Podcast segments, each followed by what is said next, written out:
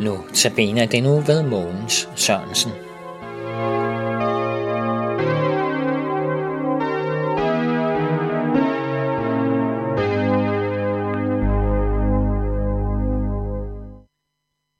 Velkommen til Notabene Portræt i Københavns Nærradio.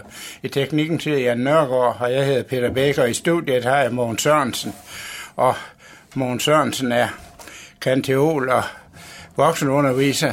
Og hvad har du ellers at fortælle om? Ja, ja, ja jeg kan fortælle, at især jeg er meget interesseret i salmedækning. Det, det, det har jeg sådan, det er min meget store interesse. Jamen, så kan vi jo snakke sammen bagefter. Det er også min store kæphest. Ja, det har, det har jeg jo godt hørt fra tid til anden, at det er. Ja. ja.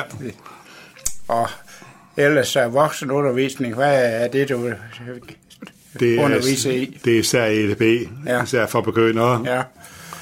Så. Ja. Er det aftenhøjskole eller sådan? Ja, det er det, ja. ja.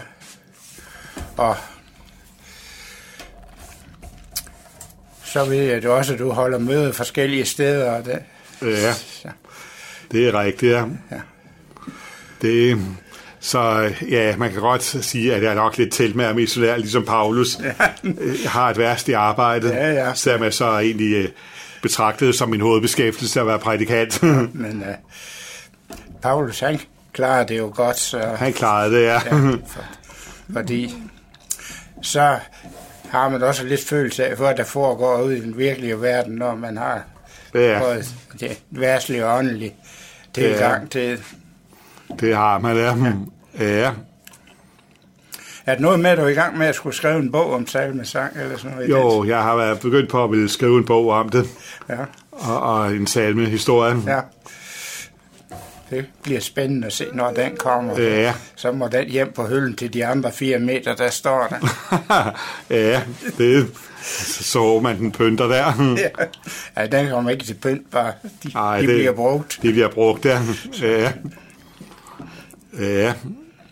Og ja, hvad kan man ellers sige mig? Jeg, man kan også sige, at jeg er jo nok en af de få, der er indfødt i København. Ja. Det er der jo ikke så mange andre, der er, Nej. tror jeg vist ikke. Men det... Jeg har kun boet der i 43 år af mit liv. Så... Ja, det... Nej, men nu skal du holde andagt for os her på Københavns Nærradio. Hvad har du valgt af tema? Der, der er valgt Jesus som den tjenende konge. Ja. Og det er ude fra Filipperbrevet 7, altså Filipperbrevet kapitel 2, ja. og hvad svømmer frem efter. Og det passer egentlig godt her i påskesiden. Ja fordi der er, det er Jesus, der fornedrer sig selv, ja. men så bliver han ophøjet igen, ja. og kommer tilbage til tronen igen. Hvordan kan det være hver år det på, så kommer en eller anden historie om, nu har de fundet Jesus, nu har de fundet hans kone og en hel masse vrøvl der. Ja, det, jeg hørte faktisk en gang Paul Hoffmann sige, at for hans skyld må man godt afskaffe de kristne højtider, så man slap for alt det vrøvl der i medierne. det, og ja, det, det, jeg kan godt forstå, at han siger så, sådan der omkring det brøvl der. Ja, ja. Men altså, så vil jeg sige, jeg er nu alligevel glad for, at vi stadig har de kristne højtider. Ja, fordi det... De, det bliver trods alt en tilbagevendende mulighed for at forkynde nogle væsentlige frelsesandheder. Ja. ja. Så lad os bare beholde den for det. Det trænger vi også til. Ja, det... Med alle de vrøvlhoveder, der... Ja, det gør jeg, ja. ja. Men uh, jeg vil sige dig tak, fordi du har givet dig tid til at lave andagt til Københavns Nærradio. Jo, os til den kommende uge.